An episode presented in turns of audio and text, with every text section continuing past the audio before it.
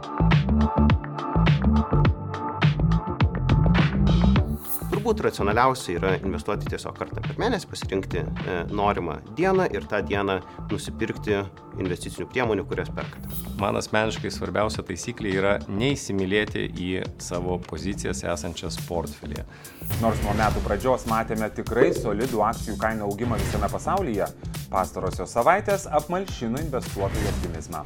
Tai jeigu tai būtų jau didesnė suma, tai turbūt man kiltų daugiau klausimų šiandien. Tai labai gerai reiškia, kol kas suma pasirinkta teisingai, nes taip ir turėtų būti, nes tokie sviravimai, kaip čia matom, keli procentai akcijoms, tai yra visiškai normalu ir įprasta ir čia galėjo ir į viršų, ir į apačią tiek pat būti. Labas, aš esu Justina, Svetbank finansų instituto ekspertė.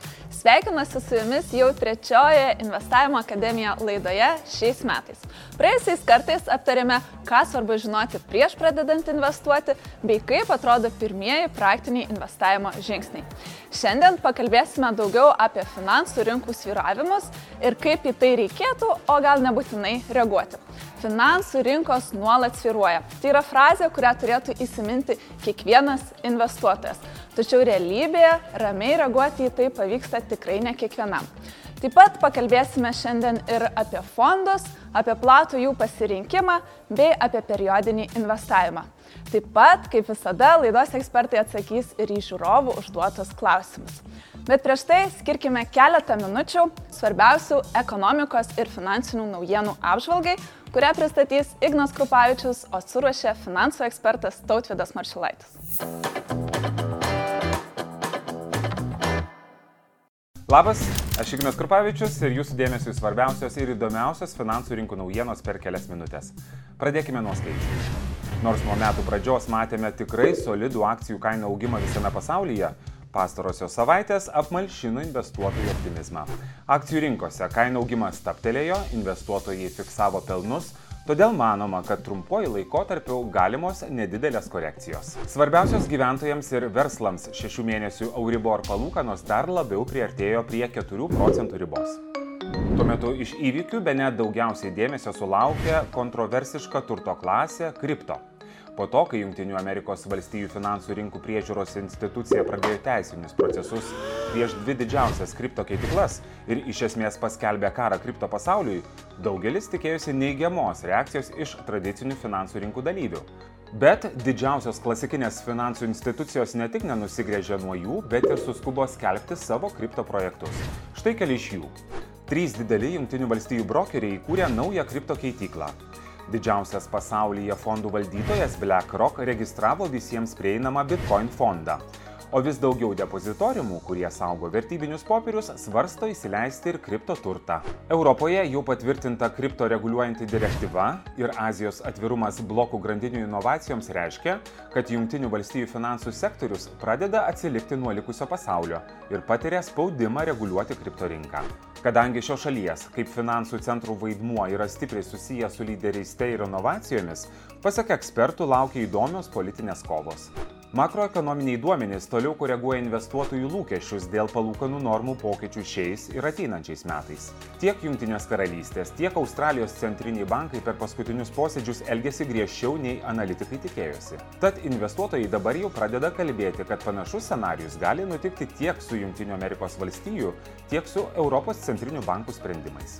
Žaliavų kainos toliau laikosi šių metų žemumuose. Dujų megavatas Europoje kainuoja apie 30 eurų, o VTI nafta laikosi žemiau 70 dolerių už barelį. Tačiau tolesnius infliacijos lūkesčius skatina stipri darbo rinka. Linkstama manyti, kad infliacija nebus tokia aukšta kaip praėjusiais metais, bet vartojimo kainų augimas dar kurį laiką gali būti didesnis. Vis dėlto mažėjanti infliacija teikia vilties, kad centrinių bankų užsidegimas kiek atvės. Daugelį Europos valstybių jau kelis mėnesius stebime vartojimo infliacijos mažėjimą, kuris įgauna pagreitį.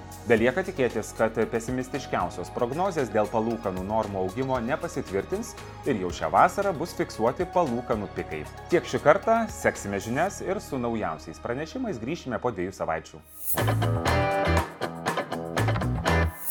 Ačiū Ignai, na dabar metas atsakyti į pradedančių investuotojų galvose besisukančius klausimus. Šiandien žiniomis dalysis Svetbank atstovas Marius Signatas ir jums jau puikiai pažįstamas Tautvidas Maršalaitis. Kokie yra periodinio investavimo pliusai ir minusai?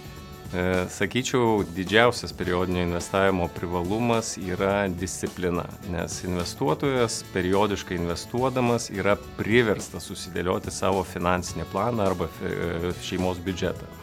Ir taip yra todėl, kad e, planuodamas savo išlaidas tam tikram laikotarpiu, pavyzdžiui, mėnesių, investuotojas įsipareigoja dalį savo pinigų skirti ne suvartoti čia šiandieną ir dabar, o perkelti tą vartojimą kažkada į ateitį, kada jau galės išsiimti savo investicijas iš tos periodinio pasirinkto instrumento.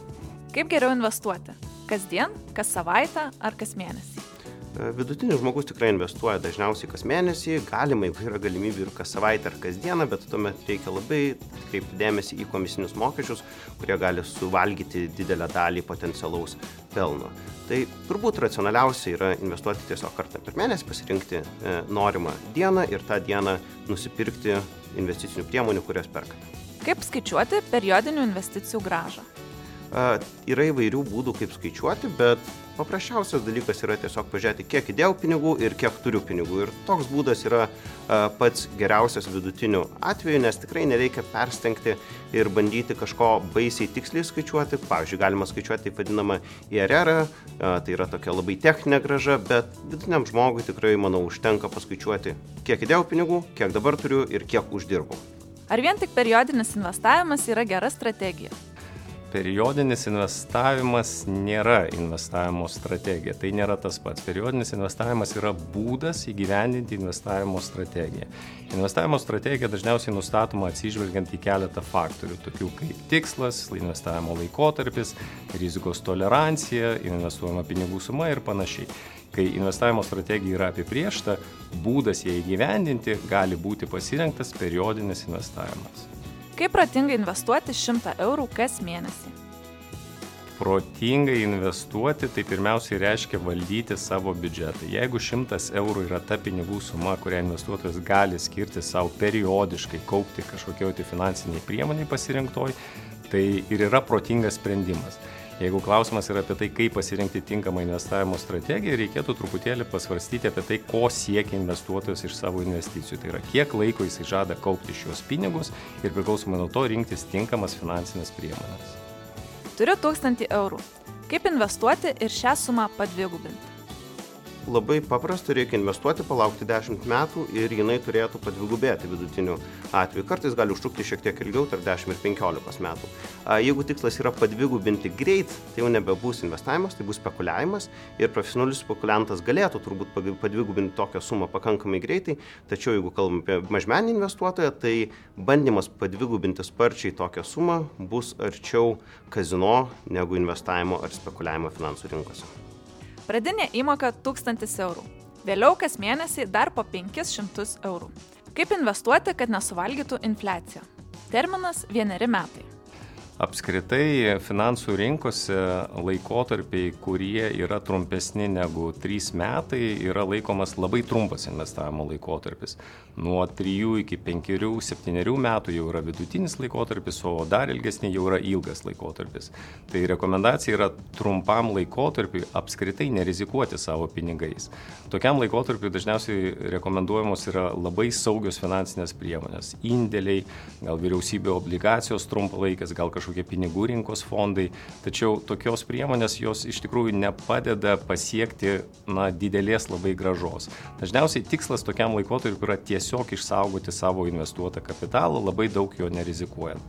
Tai dėja, infliacijos rizika jinai nevaldoma vienerių metų laikotarpį. Infliacijos riziką galima suvaldyti per tam tikrą ilgą laikotarpį, dažniausiai per visą verslo ciklą. Ir vėlgi atsakymas yra pasirinkta teisinga investavimo strategija. Ar 7 procentų graža investuojant periodiškai yra realistiška? Sakyčiau, realistiška, bet vėlgi reikia suvaldyti investuotojų lūkestį. E, mes kalbame dažniausiai apie ilgą laikį investavimą. Tai reiškia, kad nuo momento, kai žmogus pradėjo investuoti, iki to momento, kai jisai pinigus jau išsiminės iš savo investicijų, vidutiniškai per metus yra įmanoma pasiekti 7 procentų gražą. Greičiausiai toks portfelis bus sudarytas iš daugiau akcijų turbūt, negu kad saugesnių instrumentų, tokios kaip obligacijos, bet iš principo akcijos per ilgą laikotarpį gali generuoti tokią gražą. Kokia jums asmeniškai yra svarbiausia investavimo taisyklė? Man asmeniškai svarbiausia taisyklė yra neįsimylėti į savo pozicijas esančias portfelėje. Aš manau, kad investavimo strategija turi būti surišta su ilgalaikiais tikslais ir ta strategija dažniausiai įgyvendinama ne pasirenkant kokias nors mylimas kompanijas ir jų akcijas, o pasirenkant tinkamą portfelio alokaciją ir ją išlaikant per visą investavimo laikotarpį. Ačiū Mariui ir Tautvidui. Daugelis turbūt jau žinote, kad prieš keletą savaičių pradėjau investavimo eksperimentą ir per ateinančius keturis mėnesius susikursiu savo investicinį portfelį, kurio vertė bus 1000 eurų. Praėjusią laidoje padariau pirmąją savo investiciją ir investavau 200 eurų į du skirtingus fondus. Jeigu šią laidą praleidote, jos nuorodą rasite šio video aprašyme. Taip pat kiekvieną kartą investavimo eksperimento detaliau aprašau ir Svetbank tinklaraštyje. Na, šį kartą su tautvidu susitiksime rinktis ne tik naujas investicijos, bet ir pažiūrėti, kaip sekasi mano išsirinktiems fondams. Kviečiu žiūrėti.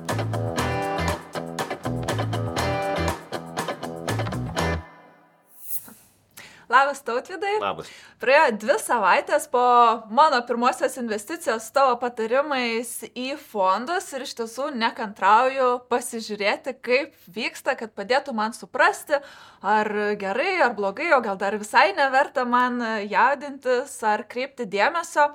Tai uh, praeitą kartą investavom iš viso 200 eurų į du skirtingus uh, fondus, ar ne? Vieną labiau rizikingesnį akcijų Global ir uh, kitą mažiau rizikingą į Europos obligacijas. Teisingai prisimenu, ar? Teisingai, taip. Taip, tai uh, aš esu įsijungus savo investicinį portfelį ir savo pradedančiosios investuotojo žvilgsniu matau, kad vienas fondas kaip ir nukrito jo vertė, kito labai minimaliai, bet paaugo.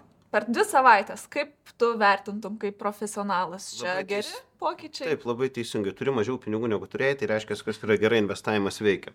Aš šiaip, ne, pirmiausia, kaip tu jauties, va, žiūrėdama iš tą rezultatą, ar tau yra kažkoks tai nerimas ar, ar džiaug, džiaugsmas, nežinau.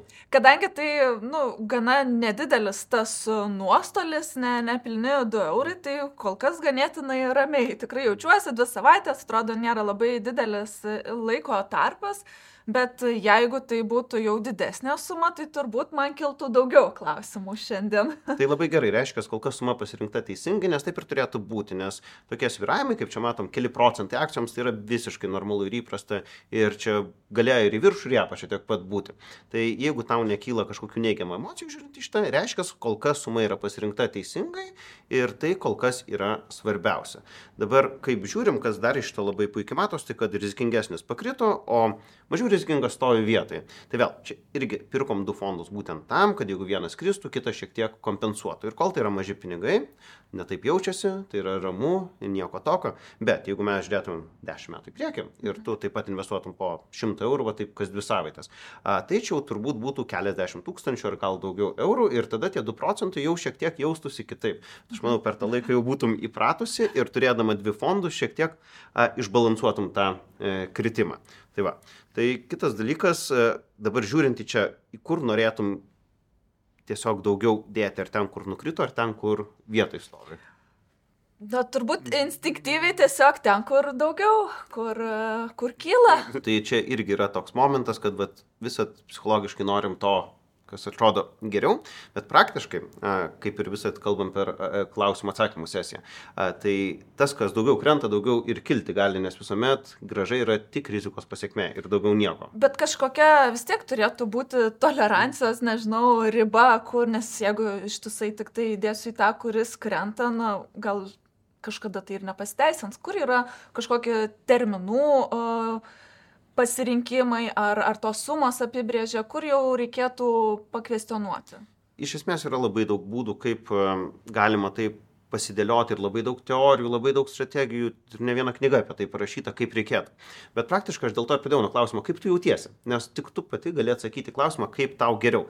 Aš manau, kol kas bus racionalu tęsti toliau jie abu po lygiai, tam, kad sumos šiek tiek pauktų ir tu vėl galėtum pažiūrėti, ar tau tikrai smagiau, kai nors nedaug, bet tik auga, ar yra tas azartas, kad gerai, kaip nukrito, vat, pavyzdžiui, šį kartą ten keliais eurais, kitą kartą gal pakils 5 procentais ir tu visai kitaip žiūrėsi, o gal ir nukils, nu, nukris dar 10-15 procentų, tu sakysi, ne, ne, ne, tai tikrai mažinam. Tai va, tai mes tą žiūrėsim ir aš manau, kol kas verta toliau investuoti 50-50, tai pakankamai konservatyviai, ramiai, tam, kad išsiaiškinti geriau tavo tą realų rizikos lygį, su kuriuo tu gali ramiai miegoti ir nesukti galvos. E, iš tiesų, praeitą kartą, kai žiūrėjome visus fondų sąrašus, jų tikrai buvo ne vienas ir ne du pasirinkimas, tai aš kaip suprantu, mes kol kas nesimėtom, liekam prie šitų dviejų, nesirenkam naujo. Kodėl? Manau, kad neverta rinktis naujo, nes e, šitie du fondai yra pakankamai diversifikuoti, jie labai tokie lengvai padaro gerą strategiją tiesiog dviese. Ir po to jau, kai e, daugiau atsiranda patirties ir žinių, galima paieškoti kažko kito, galbūt kažko labiau egzotiško, ten, nežinau, norisi pietryčių Azijos, pavyzdžiui, ar dar kažko. Tai vad galima tada jau egzotikos paieškoti, bet kol kas tikrai to nereikia. Manau, toliau liekame su šiais dviem fondais, kurie yra pakankamai saugus diversifikacijos geografinės prasme ir kurie pilnai išpildo kol kas strategijos visus poreikius. Tai tokiam pradedančiam investuotojui geriausia neblaškyti, ar ne, savo Taip. dėmesio per daug į skirtingus fondus, pasirinkti tokius vieną, du, ar ne, labiau diversifikuotus ir ten fokusą savo kreipti. Tikrai taip, tada labai labai daug problemų sutaupo. Tvarkoj, tai aš pasiruošusi savo antrai investicijai ir ką mes dabar darome su tais uh, Pabandykime fondais. padaryti periodinį investavimą. Tai yra, kad tau nebereiktų sukti galvos, kad tu nebeturėtum jungti čia kiekvieną kartą spausti pirkti, tau dabar automatiškai kas mėnesį investuotų po kažkiek pinigų. Tai tiesiog keliaujam iki taupimo ir investavimo skilties ir į fondų sąrašą atgal. Taip, keliam į fondus. Štai mūsų. Šitas yra Global Taip. Uh, Taip. Edge fondas ir mes Taip, Kaip periodinis investavimas. Labai viskas paprasta. Taip, tai investuojama suma, tai vėl aš manau, kad koks šimtas eurų yra gera suma, kurią gali e, aš pakankamai ramiai su juo saugiai jaučiuosi, kažkaip nekelia daug streso. Man, taip, taip. Gerai. Taip ir palikim. Šimtas eurų. Metinis sumos didinimas, tai... Kas tai yra? Labai racionalu, e, augant pajamoms, ypač didinti ir investavimo sumą. Tai yra ne fiksuota kažkokia nustatyti 100 eurų visam gyvenimui, o kai auga tavo pajamos, kiekvienais metais šiek tiek ir padidinti tą investicinę sumą. Tai kol kas manau, kad galim palikti uh, tiek, bet kiekvienas žmogus turėtų asmeniškai pasižiūrėti. Mhm. Jeigu atlyginimas padidėja ir bendrai pajamos padidėja 10-15 procentų, tikrai 10-20 procentų padidinti investuojamą periodiškai sumą yra visiškai racionalu. Tvarkoj, tai periodiškumą nusistatom kas mėnesį, ar ne? Turbūt Taip. optimaliausia, Dažniausiai, įprasčiausiai tikrai yra kas mėnesį, galima ir dažniau, bet a, vidutiniu atveju nemanau, kad yra didelė prasme, nebent pajamos labai dažnai krenta į sąskaitą, tai yra jeigu, nežinau, kažkoks verslas, nedali veikla, dar kažkas, kur nepastovi, bet kas kelias savaitės, kas savaitę įkrenta, tuomet galima padaryti mažesnę sumą ir kas savaitę investuoti. Mhm. Bet jeigu vidutiniu atveju žmogus, kuris dirba samdomą darbą ir gauna pajamas vieną, du kartus per mėnesį, tai tas kas mėnesinis yra labai logiškas pasirinkimas. Mhm. Pirkimo data, čia galima nusistatyti Taip, kada bus kiekvieną mėnesį. Tai 28 dabar dieną, kiekvieną mėnesį ir įvyks e, pirkimas. Mhm. Taip. Taip, ir čia rodo tą fondą. Um, Taip, vieną, bet kadangi turim du fondus, tai galim iš karto pridėti dar vieną fondą. Taip, tai čia dabar reikės pasirinkti mūsų antrą turimą fondą šitą. Šitas? Taip. Taip, ir jie buvo po 50 procentų alokaciją padaryti. Taip, čia nusistatom 50 ir čia. Taip, ir dabar 50. va, tas 100 eurų. Taip, 100 eurų per pusę keliaus į vieną a, mano turimą fondą ir kitą turimą fondą kiekvieną kartą, kas mėnesį, mėnesį. 28 pabaigoje. dieną, taip. Mhm, Tvarko, spaudžiame toliau. Taip, ir reikia užpildyti paraišką, ar ne? Pasitikrinam dar kartą informaciją. Viskas atrodo teisingai. Su sutarties sąlygomis, kaip jau ne vieną kartą išsiaiškinom, būtina susipažinti, e, viską perskaityti atidžiai. Taip ir tada patvirtinti. Tai Taip, tikiu, kad tikrai perskaitai viską. Ir dabar reikės pasirašyti ir sutartis sudaryta.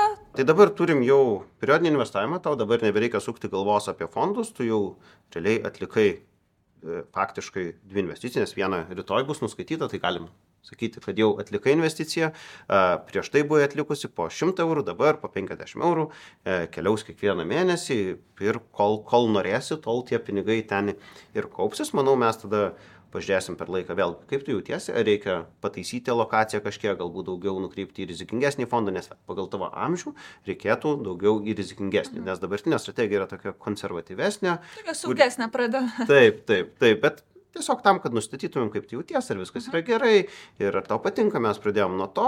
Bet šiaip sakyčiau, kad reikėtų daugiau į akcijas tavo atveju skirti, nes periodinis investavimas yra ir tuo žavus. Nes dabar, kaip matom, nukrito 2 eurais. Tai sakykime, 2 procentais grubiai nukrito tavo akcinis fondas. Tai reiškia, kad dabar tu pavedimą padarai ir nupirksi 2 procentais pigiau. Mhm. Ir taip, per laiką, jeigu jisai kris, tu pirksi vis mažesnę kainą vėl tavo rizika po truputį mažės, nes tavo vidutinė pirkimo kaina nuolat, nuolat mm, mažės. Ir tai yra vat, investavimo, periodinio investavimo žavesys, kad tu sumažini tą kainos kritimo riziką. Jeigu tu būtum at visą tūkstantį, sakykime, iš karto įdėjus, dabar tiesiog lauktum, kada mhm. čia kyla, krenta ir nuo to viskas priklausytų. Kai tu va taip pat po 50 ar po 100 eurų kiekvieną mėnesį tu gauni vidutinę kainą, kas reiškia, kad per ilgą laikotarpį gauni vidutinę gražą. Tai yra neturi rizikos nupirkti kažkokiam pike labai dideliame. Mhm. Tvarkoj, tai ačiū tau už dar vieną lengvą investavimo žingsnį. Susitiksime po dviejų savaičių, pažiūrėsime, kaip sekasi tiem fondams ir toliau. Ir man atrodo, jau nersime kažkur gilin ir rinksimės turbūt akcijas. Taip, tikrai taip. Puiku, laukiu su nekantrumu. Ačiū tau ir iki. Iki.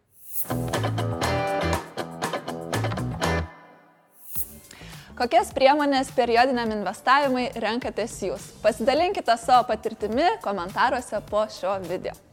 Na ir pabaigai prisiminkime pačius svarbiausius akcentus, kuriuos šiandien išgirdome. Periodinis investavimas mus moko disciplinos ir valdyti savo biudžetą. Tai yra ilgalaikis procesas ir įprasta investavimo trukmė yra nuo 3 metų. Na ir nusistatant investavimo strategiją, pirmiausia svarbu yra apsibriežti savo tikslą.